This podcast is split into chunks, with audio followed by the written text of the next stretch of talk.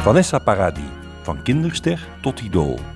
Op haar tiende mocht ze invallen als zangeres met de Franse rock'n'roll groep Les Fourbans met het nummer La Magie des Surprises Parties. J'aime la magie des surprises parties. Les rythmes endiablés de tous ces succès. In een interview in Paris Match zei ze kort geleden zich te schamen voor dit optreden.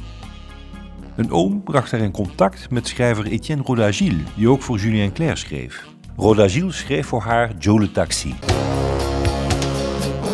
Joe le taxi, c'est sa vie. Joe le Taxi prijkte in 1987 wekenlang het nummer 1 in Frankrijk en bereikte zelfs de top 3 in Engeland.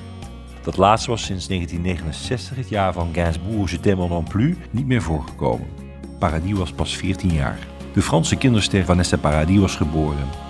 Serge Gainsbourg werd haar mentor en schreef de chansons voor haar album Variations sur le même thème, dat uitkwam in 1990. Het zou een van zijn laatste muzikale daden zijn, want hij overleed in maart 91. De hand van Gainsbourg klinkt door in bijvoorbeeld de chanson Tandem.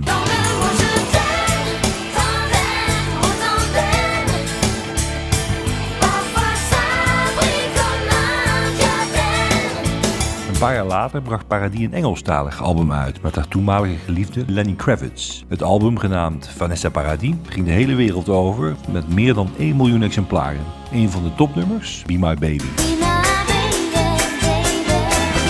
I just wanna be sure that forever and more you would be my baby. Lenny Kravitz zei over haar: I think Vanessa's a very intense uh, young lady. Ik denk dat Vanessa een hele intense jonge dame is. Extreem getalenteerd. I think she's extremely talented. Mathieu Chédid, de in Frankrijk zeer bekende songwriter met de bijnaam M, schreef een ander succesnummer voor Paradis, La Seine. Elle sort de son lit, tellement sûre d'elle. La scène, la scène, la scène. Ze is een boegbeeld van Coco Chanel en maakt carrière als actrice.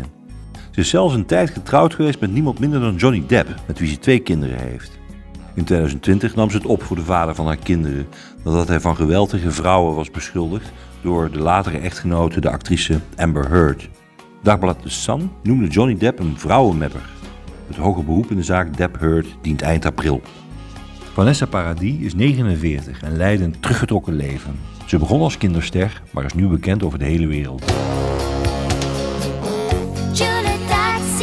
Taxi. En intussen rijdt Joe nog steeds met zijn taxi door de nachtelijke straten van Parijs. Zijn passagiers genieten van de straatlichten die weer kaatsen op de scène en het heerlijke rumba cha-cha-cha ritme van de muziek die uit de radio galmt.